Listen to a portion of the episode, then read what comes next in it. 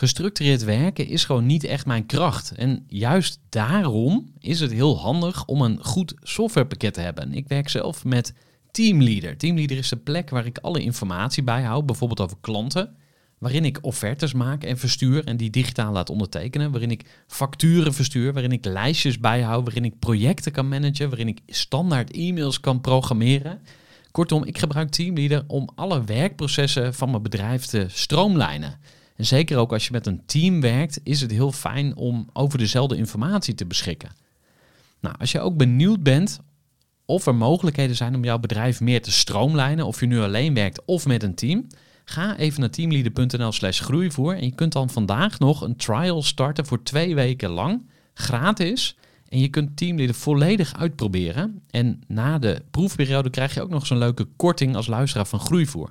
Ga naar teamleader.nl slash groeivoer. Gooi voor. Gooi voor. Gooi voor. Zoek je inzicht, inspiratie voor je eigen bedrijf. Wil je elke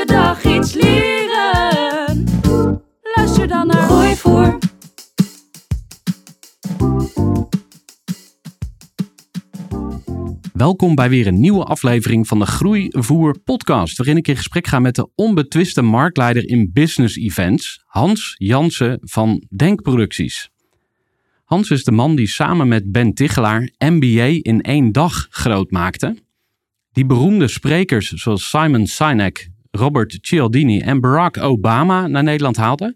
En die dit najaar op 29 september voor het eerst het Amsterdam Business Forum organiseert. Een nieuw zakelijk event in Nederland. Je hoort in dit gesprek hoe Hans als zoon van een bloemenkweker ook ondernemer werd, maar niet in de bloemen. Hoe hij events ging organiseren en denkproducties groot maakte. En je hoort ook natuurlijk hoe Hans reflecteert op zijn eigen reis als ondernemer.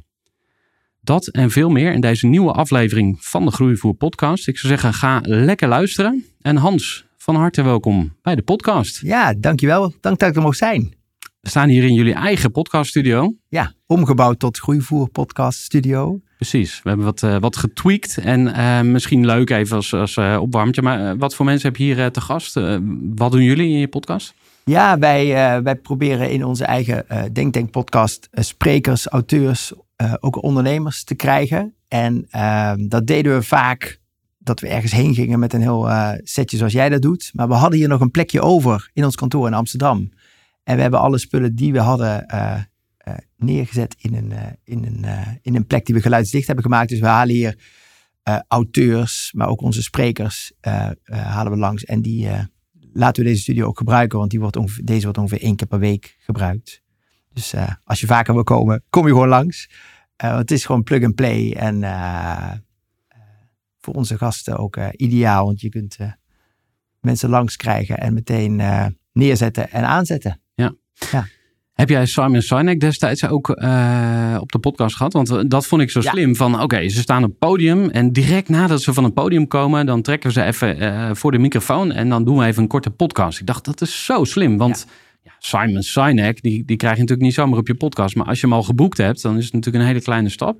Ja. Uh, wil je dat eens uitleggen? Ja, nee, dus uh, die zat, was niet in deze studio, maar dan maken we natuurlijk een pop-up studio in de foyer van, uh, dit, dit, was in Theater Amsterdam.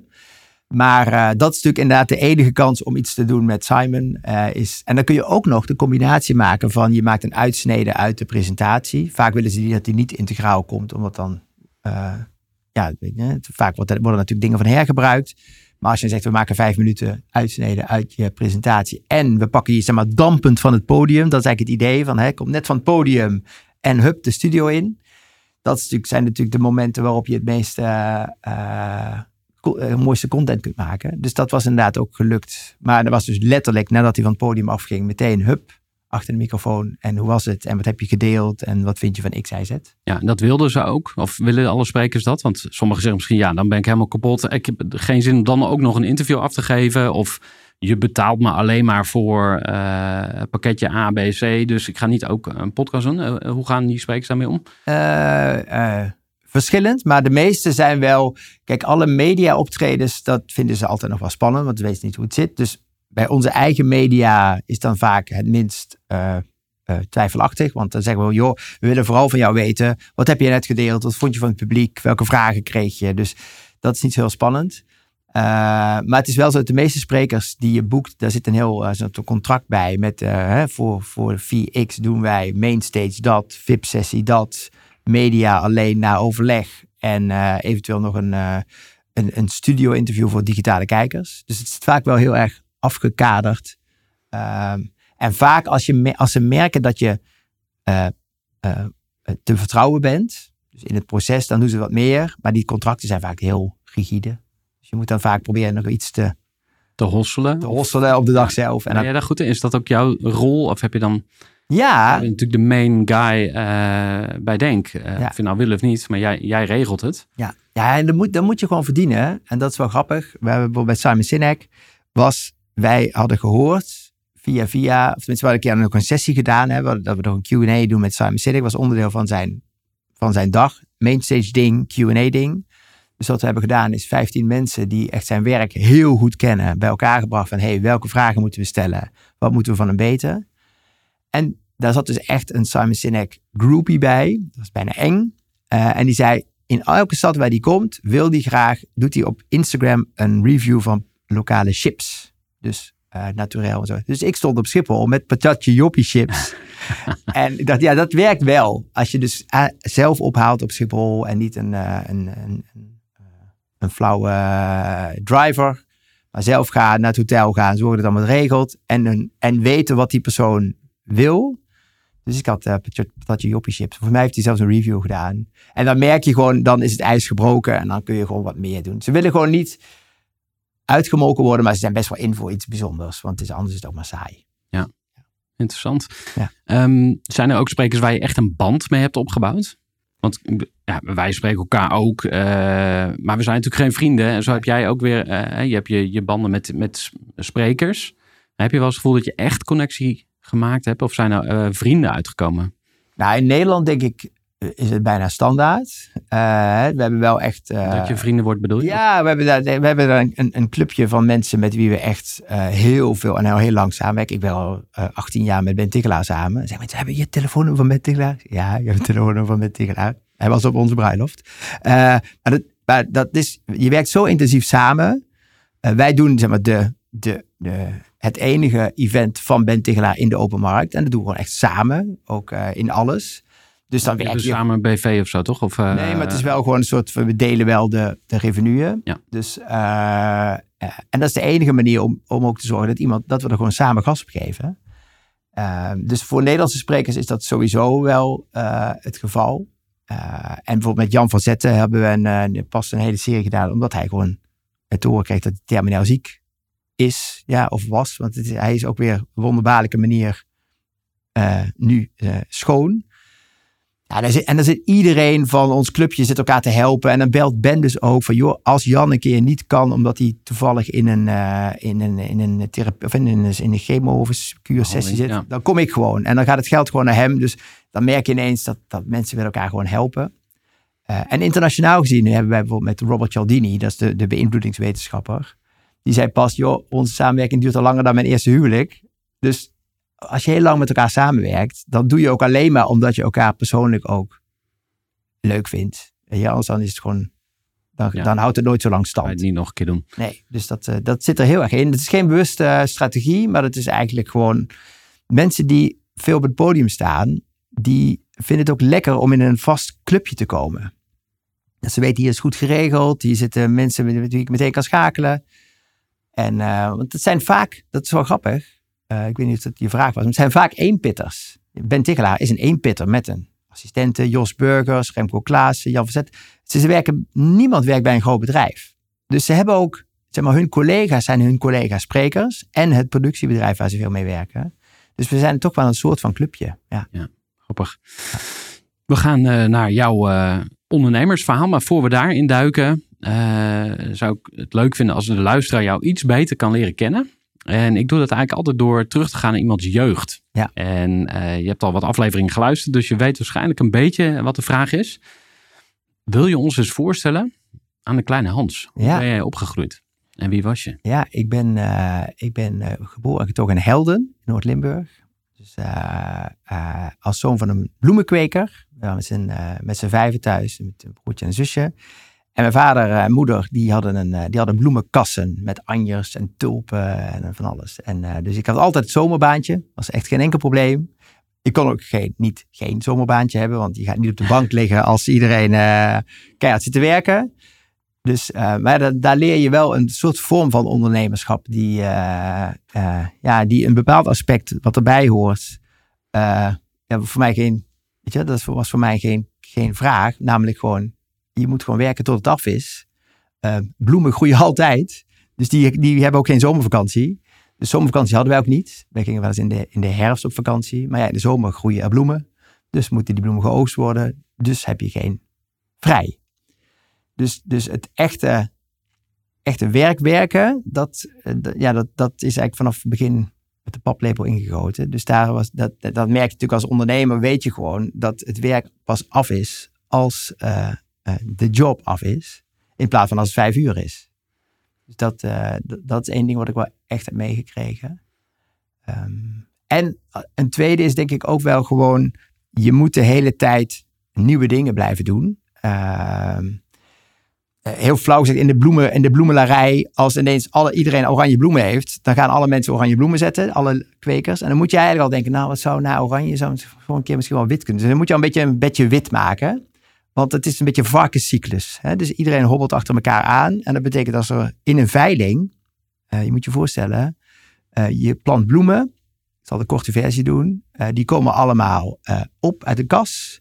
Die gaan allemaal naar de veiling. En dan de veiling is echt een veiling. Dus het kan zomaar zijn dat jij stekjes hebt geplant in oktober. De hele winter hebt gestookt om die te laten groeien. Dat ze in mei naar de, naar de, de veiling gaan. En het is 30 graden buiten.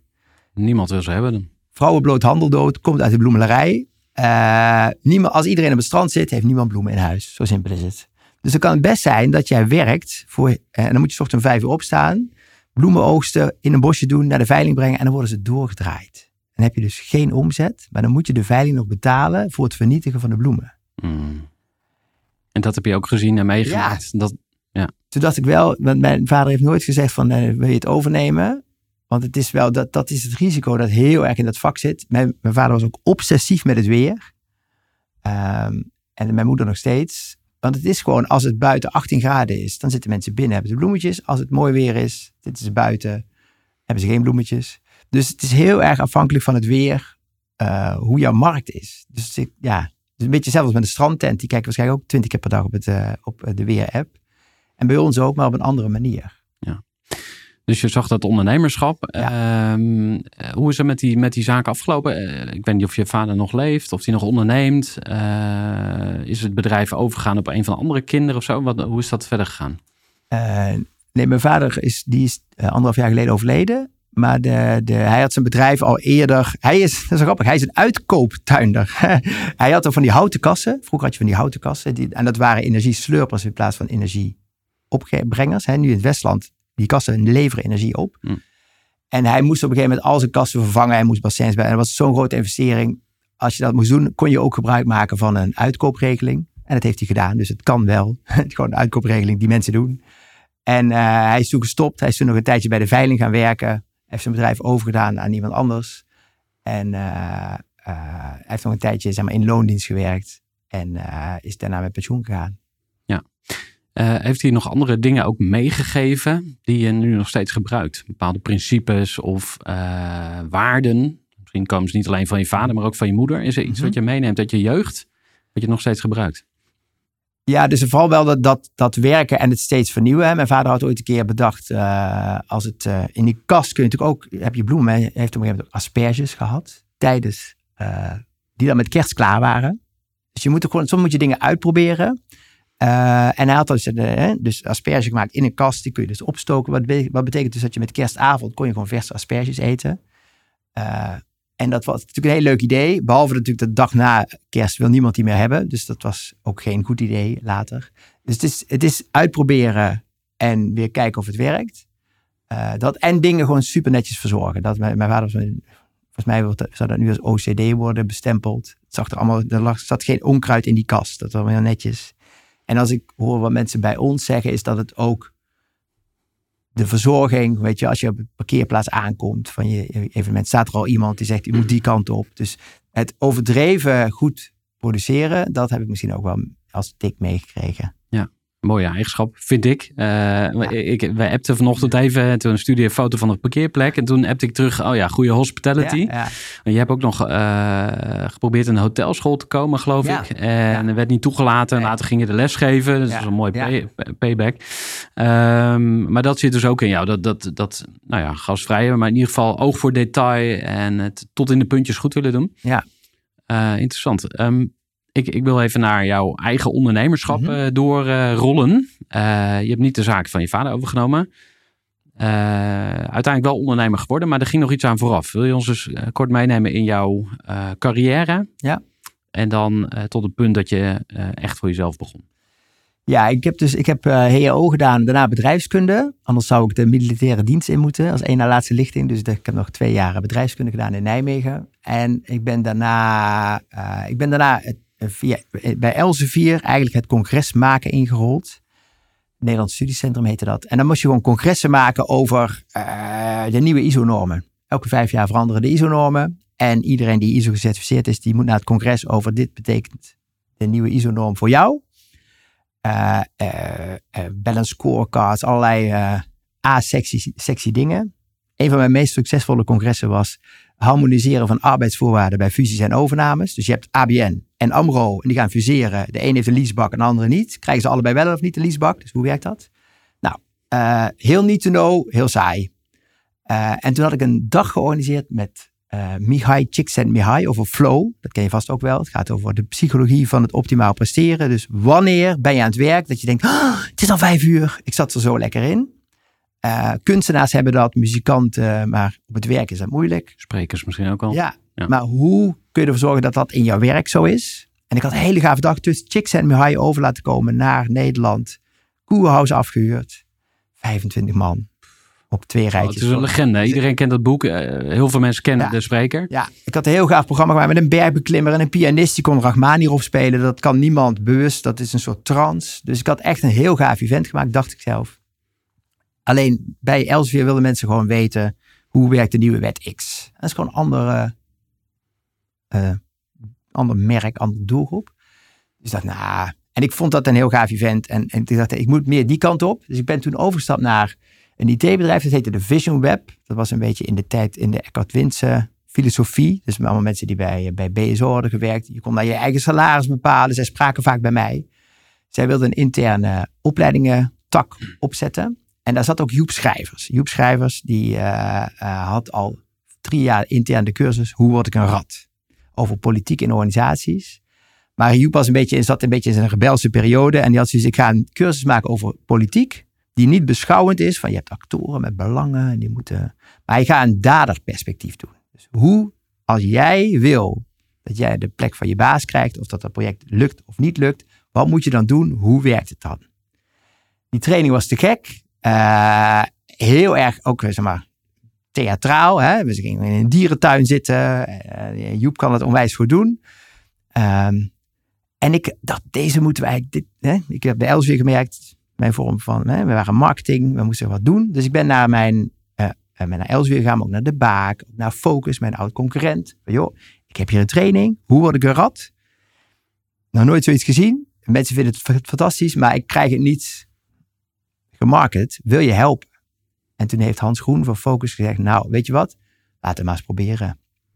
Dus we hebben het uitgebracht onder dat label. Het werd een giga succes. Uh, we hadden in de eerste dag waren al meteen 50 tickets en we hadden maar 50 stoelen. Maar ook heel veel klachten. Focus die zit op Nijenrode, strategische communicatie met hoogleraren. Uh, serieus, hoog in de boom. Braaf ook zeggen. Braaf, ja. ja uh, maar, heel serieus vooral. Ja, heel serieus. Maar je weet ook dat de mensen die daarheen gaan, die denken... De, de reactie was, de ene was, hè, hè, eindelijk iets over hoe het echt gaat in een bedrijf. Of, dit past niet bij jullie, want ik ben pas bij strategische communicatie met Annemieke Robeek geweest. Uh, en allebei hebben ze gelijk. Dus Hans had zoiets van, wow, dit is wel een soort splijtswam. Dus we hebben, ik zei, nou weet je, en dat was in de tijd dat het, dat e-business bubbel knapte. Dus opleidingstak van een IT-bedrijf was ook niet zo'n goed idee. Dus zei ik spring over naar jou. En dan beginnen we samen een tweede label. Je hebt de Bijenkorf, dat is Focus. En ik begin het brutale boutiqueje in de kelder wel met de gekke collectie.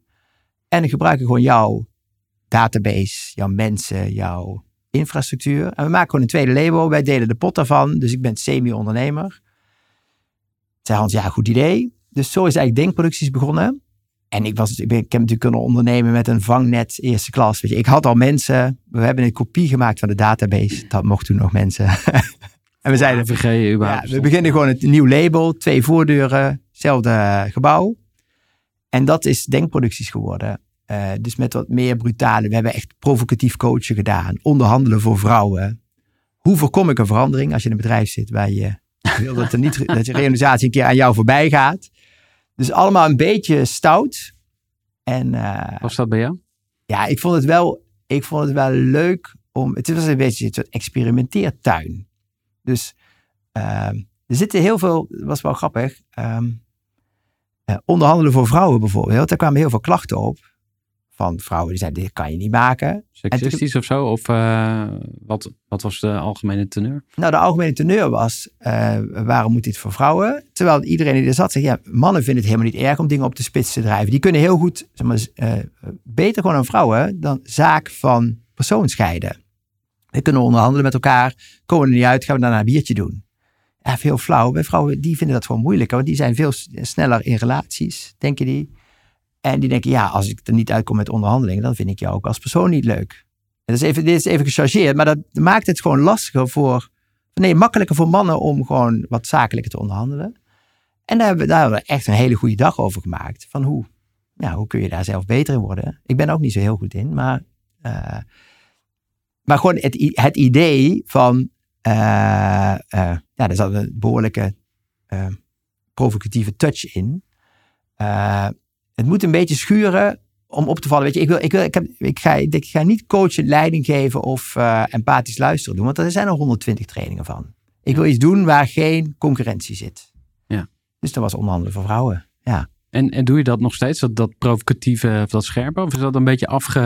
Het is wel, ja, we zijn misschien een beetje puberteit eh, uitge, uitgerold, denk ik. Ja, want er zit aan de ene kant iets tegen recalcitrant. eh ik wil tegen de stroom ingaan, gewoon omdat. Maar er zit ook een, een slimme marketingkant aan. Hè? Dus als je wil opvallen, Ja. moet je iets geks verzinnen. En eh, moet nog steeds kloppen met de inhoud, zeg maar. Dus je kunt niet totale gekke dingen doen die niemand snapt. Nee. Dus aan de ene kant is het marketing. Maar is het, is het ook jouw eh eigenwijzige ondernemersbloed wat daar kruipt? Of staat dat er weer los van? nee, d- ja, nee het is, we zijn wel iets braver geworden. Misschien zijn we weet je, de puberteit ontgroeid na 20 jaar. Eh, maar bijvoorbeeld NBA in een dag is wel zo ontstaan. Want we hadden die, die, die, die Ben had zo'n CD-box gemaakt. En eh, we wilden graag een, een, een sessie doen om die CD-box te doen. Een soort boekpromotie-event. Maar dan voor een CD-box. En zeiden ja, die CD-box die heet Management Classics. Dus het heet ook het Management Classics Event. Ja, ja, ja, ja, ja. Dat is misschien niet. Klinkt als Mozart, eh, die Beethoven zo- ja, en, en. Chopin, zeg maar. Ja, Zo- Ja, ja. heel degelijk, Ja, maar ja, ook een beetje saai. Gewoon van alles wat voor iedereen. En eh eh, zei ja, kunnen we dat niet, kunnen we dat niet een beetje cooler doen? Kunnen we niet een leukere titel doen? Ik was toen heel erg een titelfetischist. Want de titel is wel echt, als je daar een goede titel, als je echt een goede titel plakt, ben je halverwege. Dus dan zaten we zo te brainen. En van ja, ja, the greatest hits in management, the best of business schools. Na, na, na, na. Ja, een soort MBA in één dag. Zei, oh, zou ik dat doen? Nee, nee, dat kan niet, want hij was nog aan het promoveren ook. Hè, Ben. Ja, maar het is toch maar gewoon een boeklancering. Of eh, toch maar één keer. Ja, ja, kom, kom laten we het ook maar gewoon doen. En toen, toen ging het als een trein. Dus ik weet, maar ik weet zeker als we dit de best of business hadden eh, genoemd, dan was het nooit zo'n ding geworden. Dus het helpt ook in de marketing om gewoon een soort, Jos Burgers noemt dat je plek in het weiland te kiezen. Dus een plekje in de markt. Koeien poepen. hè, daar waar geen koeien poepen, Ja, ja, ja. ja.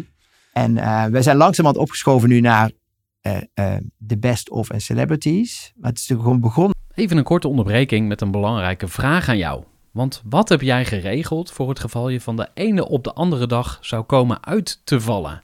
Wat gebeurt er dan met je bedrijf, maar vooral wat gebeurt er met jou persoonlijk en ook in financieel opzicht? Samen met ASR voerde ik drie openhartige gesprekken over tegenslag en veerkracht. En dat deed ik met Saskia, Vincent en Pieter. Ondernemers met een bloeiend bedrijf die van de ene op de andere dag niet meer konden werken. En die verhalen hoor je in aflevering 256, 257 en 258 van deze podcast. Als ondernemer wil je natuurlijk niet uitvallen. En daarom is het belangrijk dat je veerkrachtig bent, want voorkomen is beter dan genezen. En als het dan toch misgaat, is het fijn dat je iets geregeld hebt, zodat je weer snel door kunt met ondernemen. Wil je weten hoe veerkrachtig jij nu bent? Vul dan in twee minuten de veerkrachttest van ASR in. Ga naar asr.nl slash veerkrachttest ondernemers. Als een beetje BNN slash VPRO-achtig. Dus we zijn nu misschien wel iets, uh, iets verbraafd. Ja. Ja. Als je naar, je naar jezelf kijkt als ondernemer, jouw risicoprofiel, hoe, hoe zit dat eruit? Want je zei van ik begon onder de vleugels van een andere, dat zijn mijn woorden. Ja. Um, ik hoorde je in een andere podcast zeggen dat je een oorlogskas had aangelegd. Een buffer. Ja. Dat, oh, dat getuigt wel van A, enigszins risicobewustzijn, wat ik een positieve eigenschap vind. Uh, en B, zakelijk inzicht. Uh, wil je daar eens op, op reageren? Vind jij jezelf, uh, of hoe, hoe, beoordeel je jezelf als het gaat om risico en hoe zakelijk ben jij? Um, nou, dat risico, dat is dus inderdaad, dat is, hè, die oorlogskas heb ik aangelegd door dat ja. geval dat het bijna misging. En kijk, als je dit soort evenementen doet, zeker met internationale sprekers, dan ga je, qua cashflow moet je heel goed opletten. Want ehm, bij Nederlandse sprekers als je zegt dat je met Nederlandse sprekers, dan, dan, dan, maak je een afspraak van, joh, zullen we 12 december een event doen. Ja, is goed, goed, maak je afspraken. Dan ga je kaartjes verkopen. Dan gaat, die mensen betalen meteen vooraf. Dus dan gaat je cashflow heel omhoog. Uh, dus je, je, je beste moment in de cashflow is de dag voor het event. Want daarna komen de sprekerskosten, de locatie, de catering, et cetera. Dan moet je boven de streep eindigen. Bij internationale sprekers moet je vaak de helft al aanbetalen voordat je ze boekt. Dus dan ga je eerst even in de min, daarna naar de plus. Maar altijd geldt, de dag voor het event heb je de beste kaspositie. Dan voel je ook echt een koning. Uh, loop ja. je daar rond ja. en staat... Uh, ja, Ja. oké. Uh, maar je moet dus wel goed, en als je meerdere evenementen per jaar hebt, dan heb je dus, die hebben eigenlijk allemaal dezelfde flow. Dus, uh, dus je moet heel goed kijken, heb ik nu de juiste uh, weet je, liquiditeit ook over het, zes maanden nog. Weet je? Dat je niet denkt van, oh, we, we, spelen, we spelen net kiet en het is een evenement. En dat je dan krijgt, oh, de factuur van de catering en de techniek en de sprekers komt er nu aan en dat het dan misgaat. Dus uh, in die zin is goed risico spreiden. In ons vak is het natuurlijk, wij doen, ik zit in de ticketing business, dus ik doe niet uh, uren keer tarief, maar ik verkoop kaartjes. En dat betekent dat je vaak weet wat je uitgaven zijn. Dat zijn je sprekers, je vaste locatiekosten, je marketing. Als je die terug hebt verdiend, dan zit je zeg maar safe. Daarna is zeg maar omzet min broodjes en boekjes is winst. Even heel flauw gezegd. Maar ik heb best wel wat evenementen gehad waar ik het duurste ticket had. Want dan heb ik een programma uitgebracht, marketing erin gestopt en dan loopt het niet zo goed. En dan moet je letterlijk gewoon bij een evenement gewoon geld toeleggen. Omdat je, nou maar ik ga niet zeggen dat het niet doorgaat. Ja, nee, je kan het cancelen, maar dan, Ja, maar dan op ben je lange ook... termijn ja. vernietig je je eigen merk natuurlijk ook. Precies, en op een gegeven moment heb je halverwege maak je natuurlijk een andere afweging. Van stel voor dat we nu cancelen, we hebben marketing gedaan, we hebben al uh, kosten gemaakt. Nou, die ben je dan kwijt. Of pak je dan iets waarmee je nog wat omzet maakt en die marketingkosten terugverdient, waardoor de, het resultaat minder min is. Maar je hebt natuurlijk ook evenementen waarbij je al heel snel uit de kosten bent. En waarbij je gewoon weet van nou, uh, nu moeten we gassen erop zetten, want de, de, dan is de, de, de, de marge per, per stoel, als je daar eenmaal uit bent, is natuurlijk heel hoog. Dan wordt het interessant. Ja. En dus op, daarom op jaarbasis, ik, genoem, ik gebruik, ik vergelijk het wel eens met zo'n Chinese bordjes uh, op uh, stokjes act. Het is echt heel veel projecten in de lucht houden. Uh, kijken wat er goed gaat. Daarop inzetten. En niet op degene die niet goed gaan. Belangrijke marketingles. Als je vier projecten hebt. Eentje gaat als een trein. Eentje heeft heel veel steun nodig. Dan moet je je marketingbudget niet op die ene zetten die steun nodig heeft. Maar op die ene die heel goed gaat. Heel interessant. En dat is Dat de is, marketeer en je zegt help die ene die hulp nodig heeft. Maar dan maak je een bewijs van spreken van, uh, van, van 60 mensen, maak je er 65 in de zaal. En je break-even is 100. En als die ene al 200 heeft en je gooit daar nog wat gas op en die wordt 300, heb je daar natuurlijk netto veel meer aan. En als ik het nu vertel, is het super logisch. Maar in, het, in je dagelijkse beslissingen Ja. Heb je toch de neiging om alles succesvol te willen maken.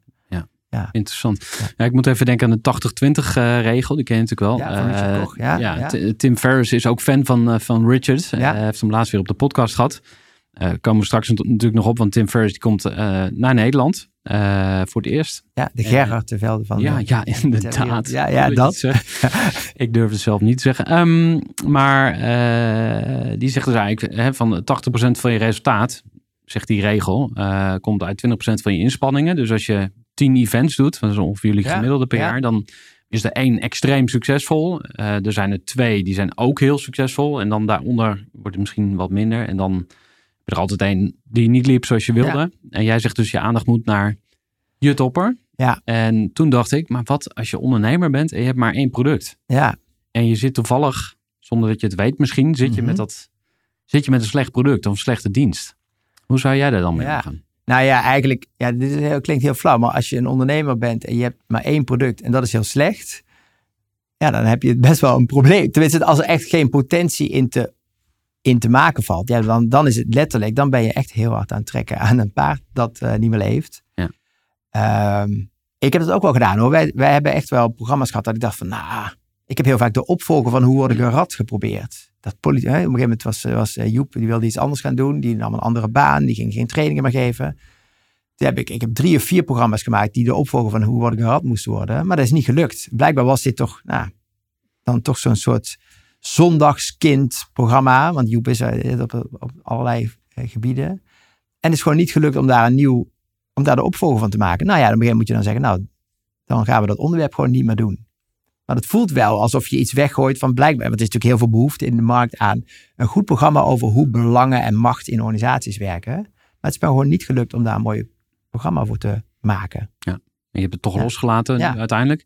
Maar dat is een thema wat voor mij ook als ondernemer vaak speelt. Is van, ja, wanneer ga je nou door en wanneer stop je? Ja. Dat is misschien wel het grootste dilemma eh, voor een ondernemer. Want aan de ene kant hoor je van, ja, je moet doorzetten en, en bouwen en lange termijn denken. En nou ja, er komen alle, allerlei quotes op. Hè? Bijvoorbeeld, eh, je moet je dag niet beoordelen op wat je oogst, maar op wat je zaait. Hè? Dus eh, je hebt van die dagen, ja, dan scoor je geen opdrachten.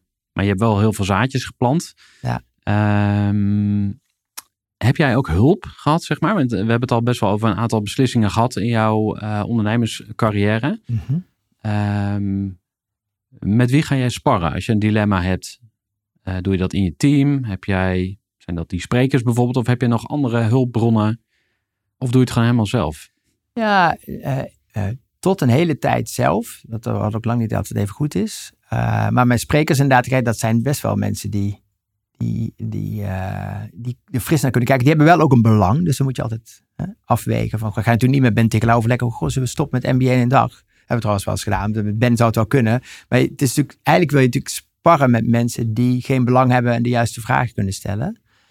Ehm, nee, ik heb dat niet gedaan. Ik heb dat misschien ook wel te weinig gedaan, want daardoor heb ik een tijdje lang, te lang doorgegaan op projecten die eigenlijk niet meer, niet meer werkten. Ehm, ik heb al een keer aangemeld voor NL Groeit, voor zo'n mentorgesprek. En dat was gewoon net voor corona. Toen heb ik gesproken met Bob Hutte van Hutte Catering. Ja, heb ik Leuke gast. podcast Oh, top. Ja, nou, bij deze luisteraars. 80 geloof ik. Wat een eh, onwijs leuke man is dat. Heb je in zijn eh, golfkarretje gezeten en toen naar zijn boomhut? Of was, je, was hij bij jou? nee, ik eh, was bij, eh, bij hun kantoor waar ze dat hele eh, waste concept Kromkommers en dat ja, soort dingen, Ja. ja. En eh, toen dacht ik, oh, dat is gaaf. Maar dat was net, net voor corona. Toen dacht ik, ah, ik moet dat toch doen. Dus ik ga nu ook misschien wel weer lid worden van een ondernemersclubje. Inderdaad, om jezelf af en toe eventjes uit die eh, bubbel te halen. Om eh, bij andere mensen even te raden te gaan. Maar ik heb het nu nog niet goed georganiseerd voor mezelf. Een andere vraag komt bij me op over ehm, wat voor ondernemer ben jij in je meest pure vorm?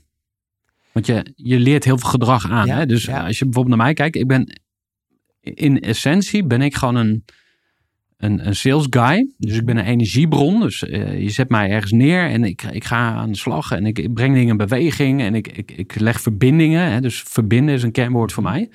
Maar ik ben bijvoorbeeld veel minder goed in eh, het zakelijke stuk. Dus zorgen dat de financiën echt kloppen en dat, dat ik goed betaald krijg. Ik ben minder goed in eh, visie, lange termijn en daaraan vasthouden. Dus dat zijn allemaal zwak, Mhm. ja, zwakke plekken, zo je wilt, in mijn ondernemerschap. Dus, en die weet ik dan wel te ondervangen.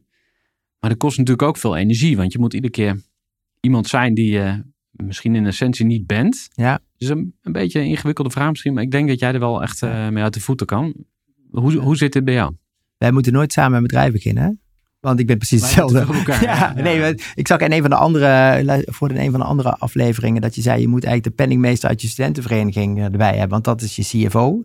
Ik heb dit ook. Ja, ik ben, eh, eh, je ziet in heel veel organisaties, bijvoorbeeld reclamebureaus, heb je een creatief leider en een zakelijk leider. Ik ben de creatief leider. Dus ik ben degene die bepaalt welke programma's worden er uitgebracht, met welke sprekers.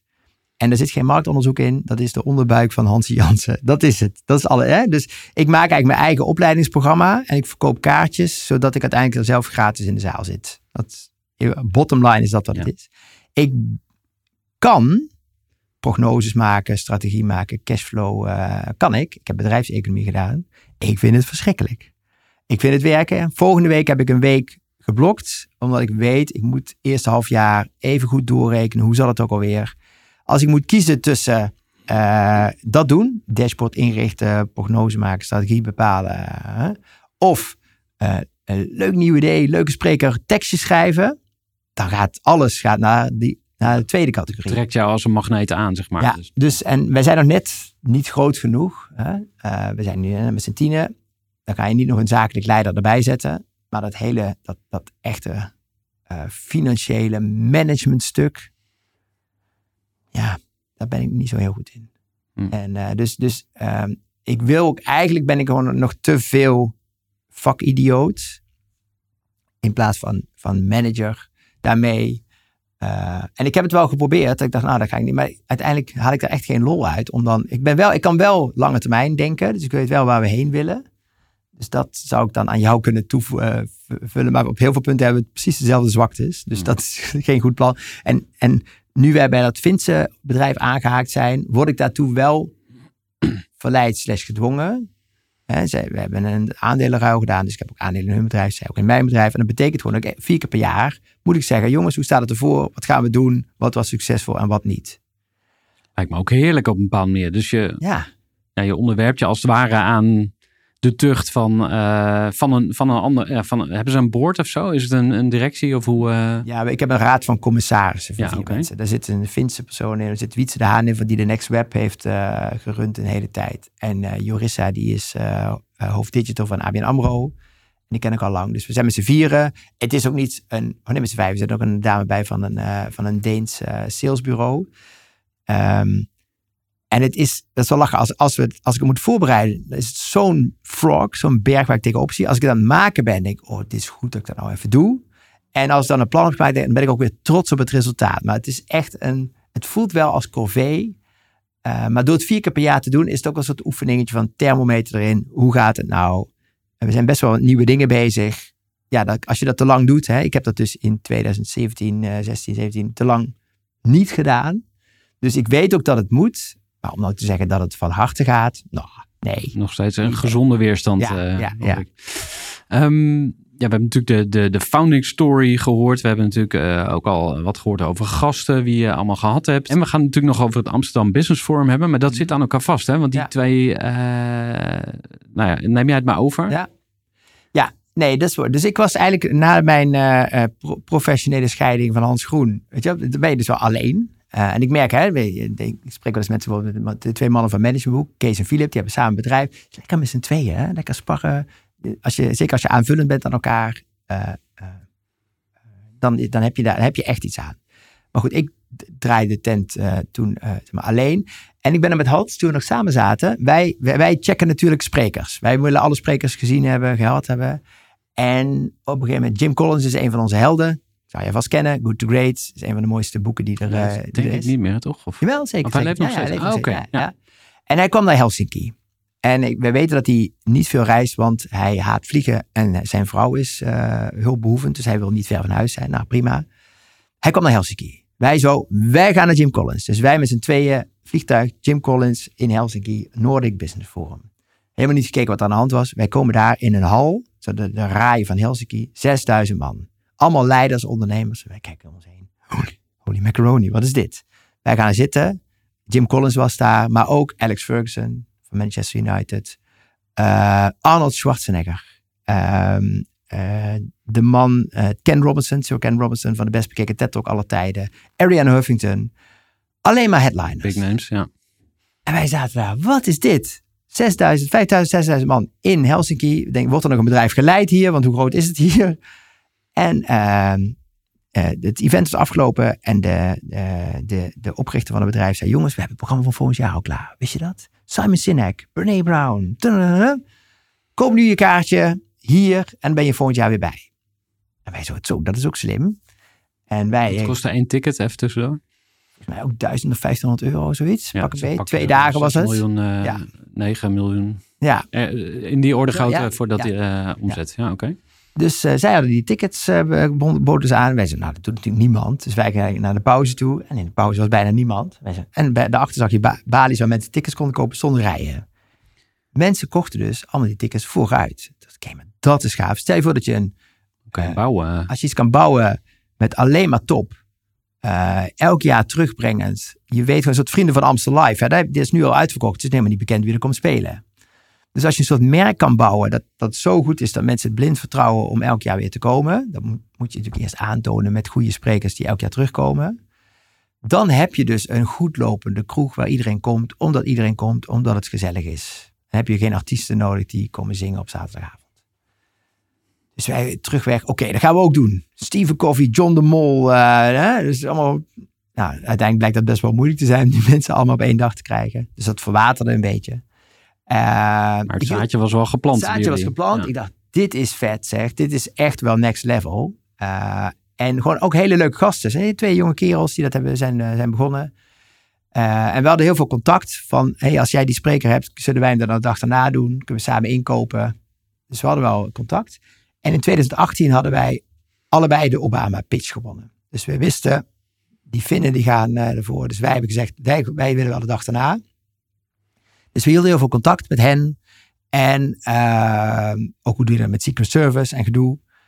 En wij hadden toen voor het eerst 3000 man in Avals Live. Volle bak. Wij waren aan het doen dat ik, dit is, je, dit moet ik gaan hadden doen. 3000 tickets verkocht? Ja. Of, eh, Ja. Dat is wel heel knap hoor. Ja. Ja. En, eh, en zij hadden er dus weer 5.000, 6.000 in Helsinki. En eh, Obama was op donderdag in Helsinki en op vrijdag in Amsterdam. En toen dacht ik, ja, dit is gewoon, dit is het teken dat wij dit moeten gaan doen. En eh, dus ik ben met hen in gesprek geraakt en zei ze, nou, wij, willen, wij doen dit in Oslo, wij doen dit in Helsinki, maar we hebben dat idee nu wel te pakken. We willen het nu in andere steden gaan doen. Zei, nou, ik, en ik wil dit gaan doen. Zei ze, ja, maar dan gaan we wel, dan gaan we wel samen. Weet je wel? Dus we gaan niet een inkoopcombinatie aan of een gezamenlijk project doen, dan gaan we wel samen. Toen dacht ik, oeh. Maar toen dacht ik, ja, eigenlijk, zij doen op Europees niveau wat ik op nationaal niveau doe. Eh, toen dacht ik, ja, en het zijn leuke gasten. Waar, waar kwam de twijfel vandaan? Van eh, de autonomie inleveren? Ja. eh, of, Ik was natuurlijk een dictator alle zaken. Ja. Dus ik kon in principe zelf, zelf bepalen wat ik wilde. Ja. En nu moet ik wel een soort van, ik heb natuurlijk heel veel handelingsvrijheid wel, maar ik moet wel een soort van rekenschap afleggen. Dus, maar toen dacht ik wel, ja, heel simpel, als je wil groeien, stel je voor je bent een voetbalclub en je kunt aanhaken bij Real Madrid en gebruik maken van hun kennis. En je wil de Real Madrid van Nederland of van, eh, van West-Europa worden, dan, dan is dat natuurlijk het beste om te doen. Dus ik dacht, nou ja, ik kan natuurlijk wel blijven doorgaan met wat ik aan het doen ben. Had ook ik vind het heel knap dat je, sorry dat ik je Ja. interrupeer, maar dat, je, eh, dat het je lukt om over, je, over jezelf heen te stappen, over je eigen ego. Mijn woorden, mijn, Mm. mijn, mijn perceptie van wat jij vertelt natuurlijk, maar dus in plaats van halstarrig eh, doorgaan, nee, nee, eh, ik ga alleen maar denken en eh, ik red me wel. Mhm. Heb jij jezelf opengesteld eh, en ben je die samenwerking aangegaan? Ja. ja, het was ook wel gewoon, we staan nu 20 jaar. Ik dacht wel, het is wel de meest logische stap om nu te zetten. Plus als je natuurlijk zo'n zo'n zo'n businessvorm idee kan ontwikkelen. Nu, dat hoor je ook wel aan alles. Het bedrijf eh, eh, hangt nog heel erg aan mij. Ik ben ook de mascotte van het bedrijf, dus ik moet alles doen. Stel je voor dat je daar een concept hebt, wat zich zo, wat, wat, wat gewoon jaarlijks terugkerende leiders hebt. Dan mensen denken, dit is gewoon een nationale leiderschapsdag. Gaan we heen met het team. Volgend jaar kopen we weer een kaartje. Ook als we nog maar weten dat er één of twee mensen komen die we leuk vinden. En de rest komt wel goed. Als je dat hebt, hè, dan heb je ook iets meer een robuust product. Wat gewoon jou eh, overleeft. Hè? Waar, wat- Ja. waar jij niet per se bij nodig bent. Dus het is ook een manier om wat losser te komen van je label. Dat het niet alleen is eh, eh, wat Hans Jansen nou weer bedacht heeft. Ja, je had het in een van de andere podcasts die ik beluisterde, had je het ook over eh, TEDx. Hè? Dat, is, Ja. dat is ook echt een concept. Dus je wilde Ja. veel meer naar een, een concept, een, eh, instituut of een autoriteit. Ja. En, en waar ga je dan naartoe groeien? Daar ben ik wel eh, benieuwd naar. Want j- jullie gaan 29 september voor het eerst Ja. het naar. Nederland brengen. Wil, wil je dat eens vertellen? Wat, wat gaan jullie precies doen? Nou, we hebben dus, eh, eh, we hebben dus nu drie headliners. Eh, we hebben vorig jaar al een soort voorproefje gedaan. Toen hebben we nog als een denkproductieprogramma neergezet met Usain Bolt, met Noah Harari, Amy Edmondson. Ook grote namen. Ook niet, ja. Ja, niet de minste. Maar nu gaan we het echt Amsterdam Business Forum noemen. En het, we hebben dus nu Tim Ferriss van de Tim Ferriss Show, de best beluisterde podcast voor leiders in de wereld. En Ja, de echt voor Our miljoenen Workweek. plays, hè? Ja. Misschien wel tientallen miljoenen, weet ik niet. Maar In totaal 900, zei je nou, Hond- negen- 900 miljoen. Ja, dat zou heel Ja, goed kunnen. zoiets. Bijna 1 miljard. Ja. Oké. Ja, dat is echt bizar. Ehm, Aaron Meyer, die is professor in, eh, op INSEAD, die heeft de cultuur van Netflix helemaal onderzocht. Hoe kun je nou een innovatieve cultuur maken? En Rutger Bregman komt spreken. Maar ook de leiders van eh, Ben Jerry's, Tony Chocolonely, eh, Netflix en, en AFAS komen. Dus hoe hoe je echt een innovatief bedrijf bouwt. Ehm, ik wil daar gewoon, dit moet gewoon het jaarlijks terugkerende leiderschapsevent van Nederland worden. Eh, ik heb al twee mensen vastgelegd voor volgend jaar. Heb ik al getekend, al aanbetaald. Ga je vast niet delen? Ga ik vast niet delen. Nee, dat mag echt niet. Want dan, krijg ik, dan, dan ga ik dus mijn, eh, hoe heet het? Mijn, eh, mijn contract breken. Dus dat lijkt me geen goed idee. krijg die andere gast ook op je nek. Precies. Maar dat is dus het idee. We zijn bezig met, weet je wel, Simon Sinek moet in 2025 weer komen. En dus, dus we zijn gewoon aan het kijken. Je moet gewoon elk jaar, dus hij is dus niet een van die mensen. moet dus elk jaar 1, 2, 3 headliners hebben. Waardoor je weet, hier komen gewoon de beste managementdenkers van de wereld. Aangevuld met gave Nederlandse sprekers. Hè. Dat, hoeft niet allemaal uit de hele wereld te komen. Dat is eigenlijk wat we nu gaan bouwen. En ik merk op heel veel punten dat het anders is dan wat wij normaal doen. Hè, MBA in een dag, daarvan weet je, Ben Tichelaar op het podium, knallen, knallen, knallen. Heel veel even weer bijgespijkerd. Super praktisch voor een opleidingsbudget. Of, uh, verbaal meesterschap met Remco Klaassen, leer je presenteren. Heel, het is heel opleidingsgericht. Amsterdam Business Forum is meer een summit, een plek waar je heen gaat. Uh, te tanken, mensen te ontmoeten. Dus diffuser qua leerdoel. Eén stapje hoger ook, denk ik wel, qua publiek. Vaak de, klant, de bazen van mijn klanten van Denkproductie komen naar Amsterdam Business Forum. Dus het is echt een merk dat we nu naast Denkproducties gaan bouwen. En dat, uh, uh, dat doe je in eerste instantie over de, over de rug van, be, van bekende sprekers. Mm. Want daar gaan mensen dan heen. Maar je wil dan een vertrouwen bouwen dat het elk jaar uh, top is. Dus dat, ik vind dat gaaf om gewoon weer te kijken of mij dat ook lukt. Om zo'n zo'n instituutje te bouwen. Dat gewoon elk jaar uh, zeg maar de vrienden van Amstel Live van leiderschap wordt. Stel nou dat je als ondernemer elk jaar naar het Amsterdam Business Forum gaat. Mhm. Mm -hmm. Wat verandert er dan, hoop jij of denk jij, in je leven of in je ondernemerschap? Nou, wat het is, is, uh, dat zul je ook weten, je, je moet af en toe gewoon tijd nemen. Als je geen tijd hebt, moet je gaan. Dat is een beetje de gouden regel.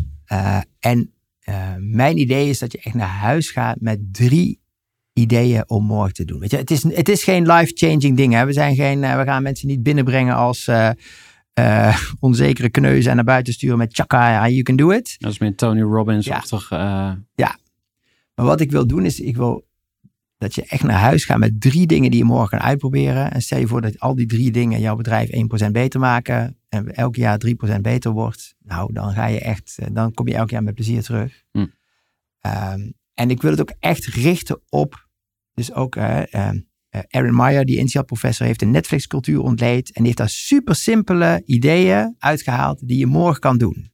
Dus ik wil echt, dat is ook met MBA in de dag zitten, altijd, zitten er dingen bij waarvan je kunt zeggen, zet morgen een half uur in je agenda, kan je meteen doen.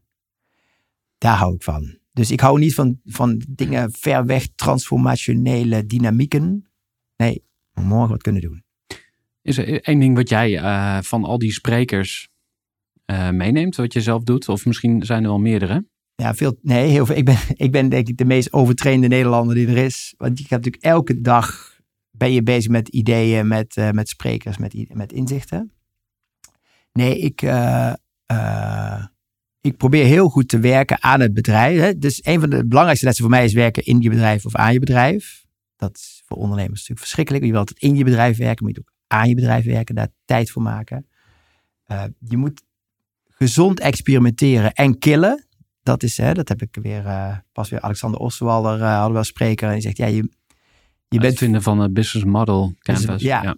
En je, moet- je bent gewoon te lang verliefd op je product. Dus hoe zorg je ervoor dat je iets in de markt zet, test. En als het niks is, weer meteen afscheid van kan nemen. Terwijl jij nog steeds denkt dat het gaat werken. Daar eh, ben ik mee bezig. Ik ben met het, eh, de, het flywheel van Jim Collins. Dat is een flywheel is eigenlijk Met het he- hedgehog concept of is dit weer een andere? Nee, dit is een andere. De flywheel is eigenlijk hoe kun je iets bouwen dat als je eh, dat blijft doen, dat je jezelf kunt, eh, kunt flywheelen, dus kunt versterken. Dus voor ons wordt dat, het flywheel is, wij maken de beste seminars van Nederland. Dat is dus de keuze. Waar, waar mensen meteen iets mee kunnen. Als mensen daar meteen iets mee kunnen, dan merken mensen op het bedrijf, hé, hey, daar hebben ze wat, hè, hebben ze wat opgestoken. Dan denken ze misschien, hé, hey, daar wil ik ook, ook wel heen.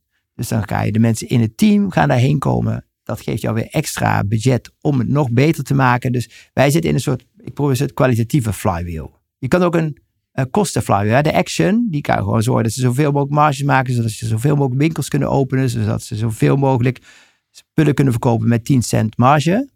Dat kan ook. De flywheel is een, een positie die je kiest. Die als je dingen doet met steeds een logische vervolgstap. En daar beter in wordt dat je steeds hoger gaat in, de, in het doel van het flywheel. En Dus, ja. eh, de bedoeling is dat je niet nog harder aan dat wiel moet draaien, maar dat het hem op een gegeven moment een beetje vanzelf gaat, ja, zeg maar. precies. Dat- Ja, ja. Oké. ja. Ja. Dus als je steeds, eh, als het ons lukt om bijvoorbeeld, het het zijn dat we nu eh, eh, heel veel omzet gaan krijgen en dat we de duurste spreek alle tijden kunnen krijgen. Wie is dat? Ik denk Oprah Winfrey, schat ik zo in. Die, Wat vraagt zo iemand? 2 miljoen, ja, 5 miljoen? Ja, zoiets. Ik weet niet eens precies, maar ik, ik hoorde bedragen dat ik dacht, nou, als het al begint met een miljoen, dan gaat het wel niet door.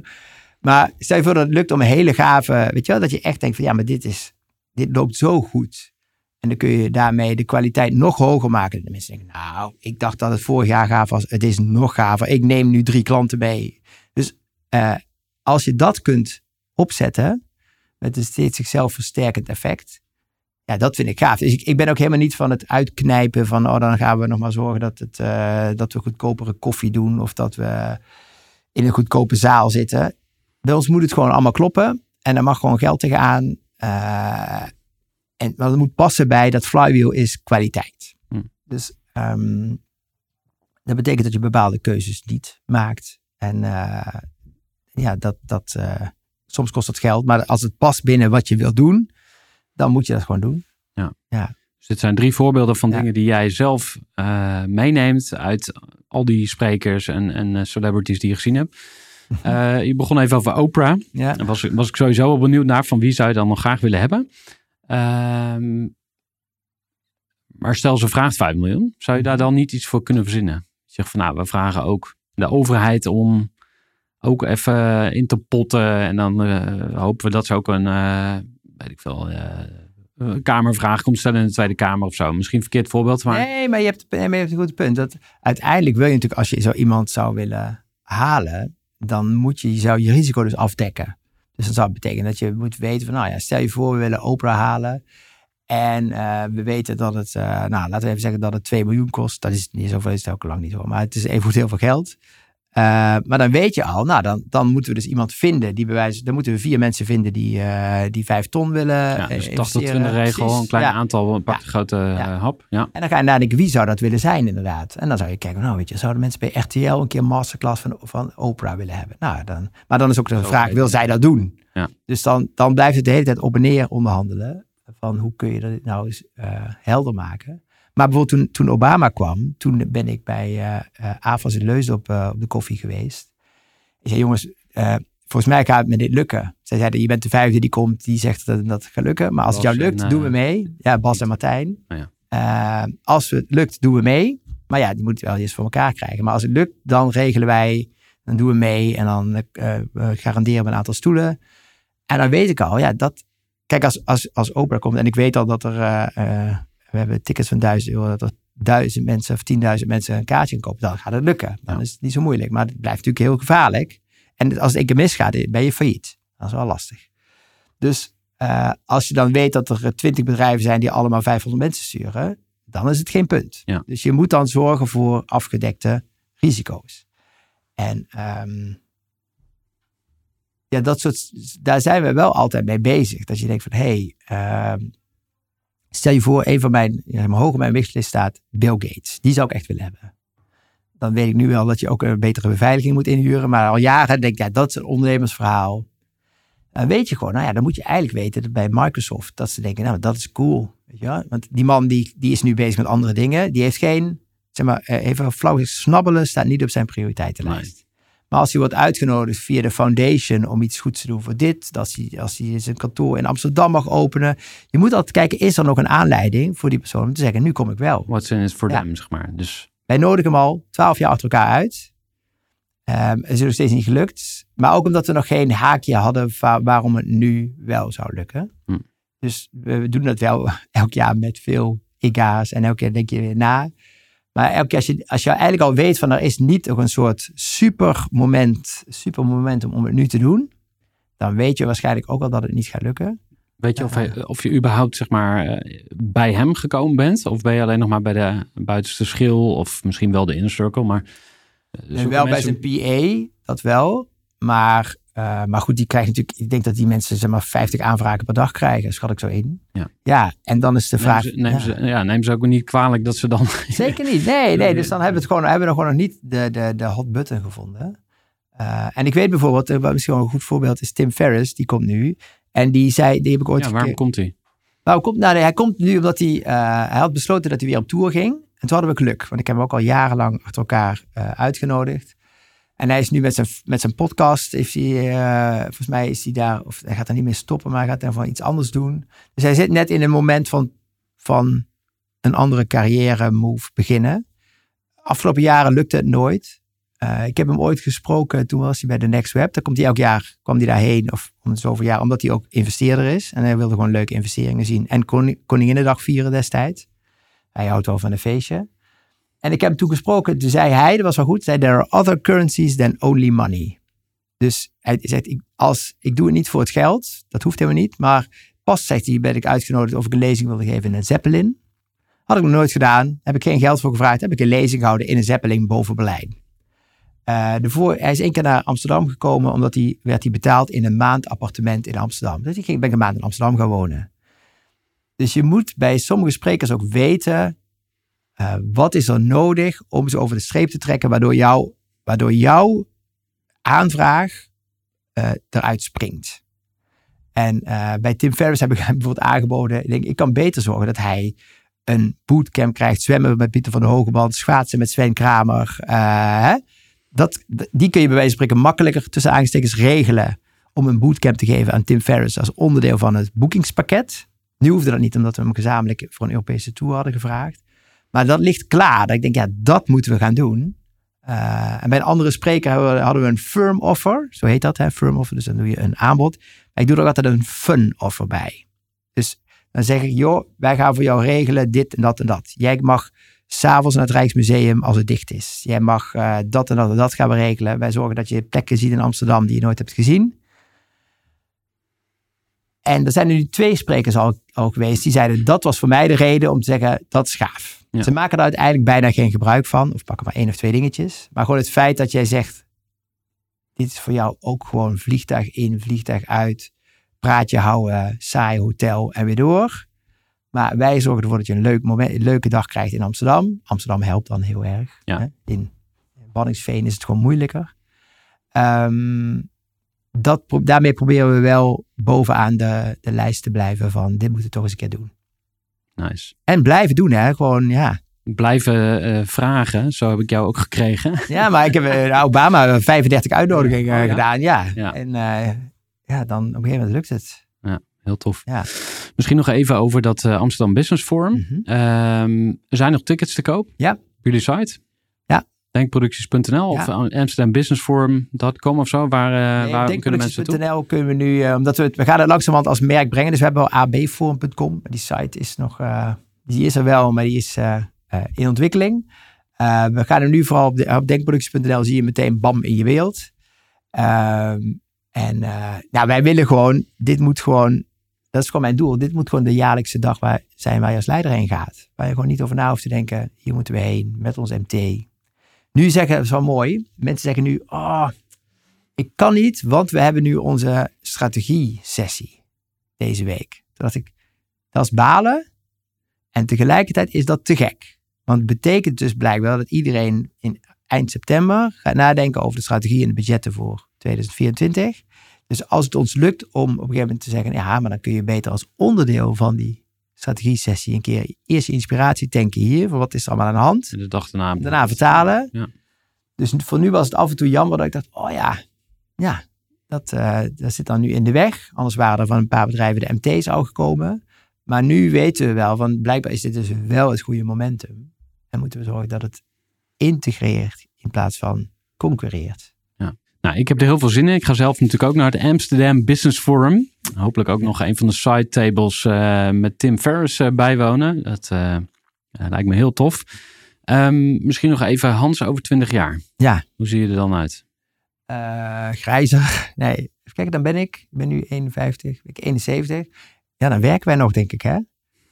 Ik vind dit, ja, dat is wel grappig. Ehm, ik vind dit echt het allerleukste werk om te doen. Ik doe het al 20 jaar. Ehm, ik merk ook wel, ik denk niet dat ik nog terug kan naar een, een bedrijf. We doen best wel wat eh, door corona. Hebben we een paar keer bedrijf, eh, dingen in-house gedaan bij bedrijven. Dus we zitten bij wat grotere bedrijven, doen wij de opleidingen of een paar events.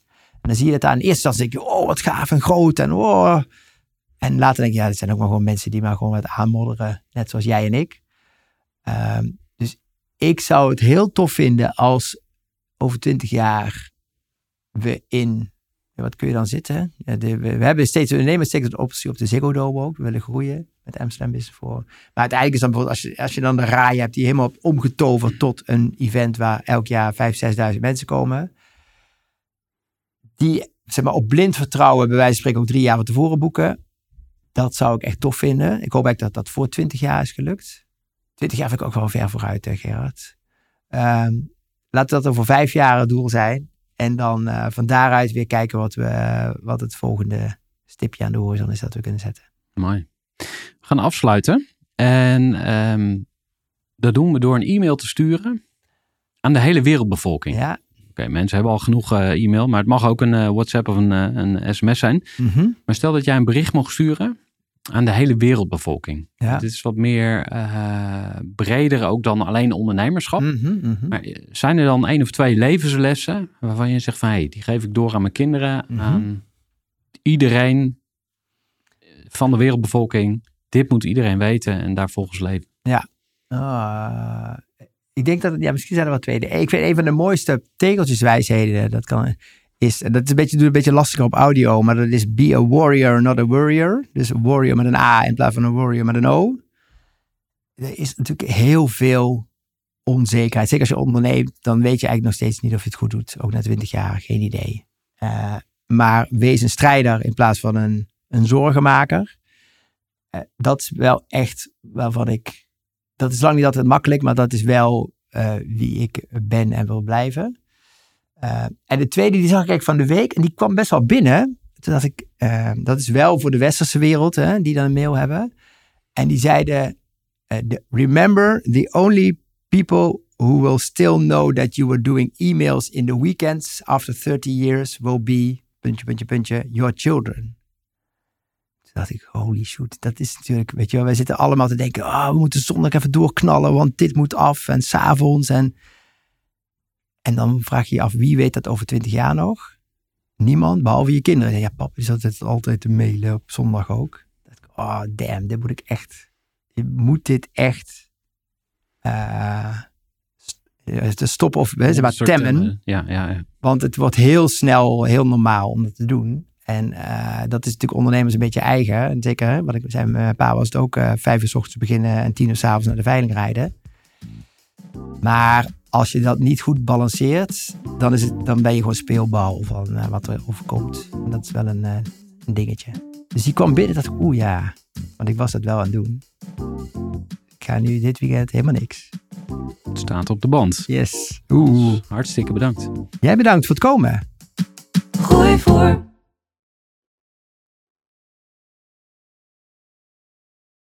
Gestructureerd werken is gewoon niet echt mijn kracht. En juist daarom is het heel handig om een goed softwarepakket te hebben. Ik werk zelf met Teamleader. Teamleader is de plek waar ik alle informatie bijhoud, bijvoorbeeld over klanten. waarin ik offertes maak en verstuur en die digitaal laat ondertekenen, waarin ik facturen verstuur, waarin ik lijstjes bijhoud, waarin ik projecten kan managen, waarin ik standaard e-mails kan programmeren. Kortom, ik gebruik Teamleader om alle werkprocessen van mijn bedrijf te stroomlijnen. En zeker ook als je met een team werkt, is het heel fijn om over dezelfde informatie te beschikken. Nou, als je ook benieuwd bent of er mogelijkheden zijn om jouw bedrijf meer te stroomlijnen, of je nu alleen werkt of met een team, ga even naar teamleader.nl slash groeivoer en je kunt dan vandaag nog een trial starten voor twee weken lang, gratis. En je kunt Teamleader volledig uitproberen. En na de proefperiode krijg je ook nog zo'n leuke korting als luisteraar van Groeivoer. Ga naar teamleader.nl slash groeivoer.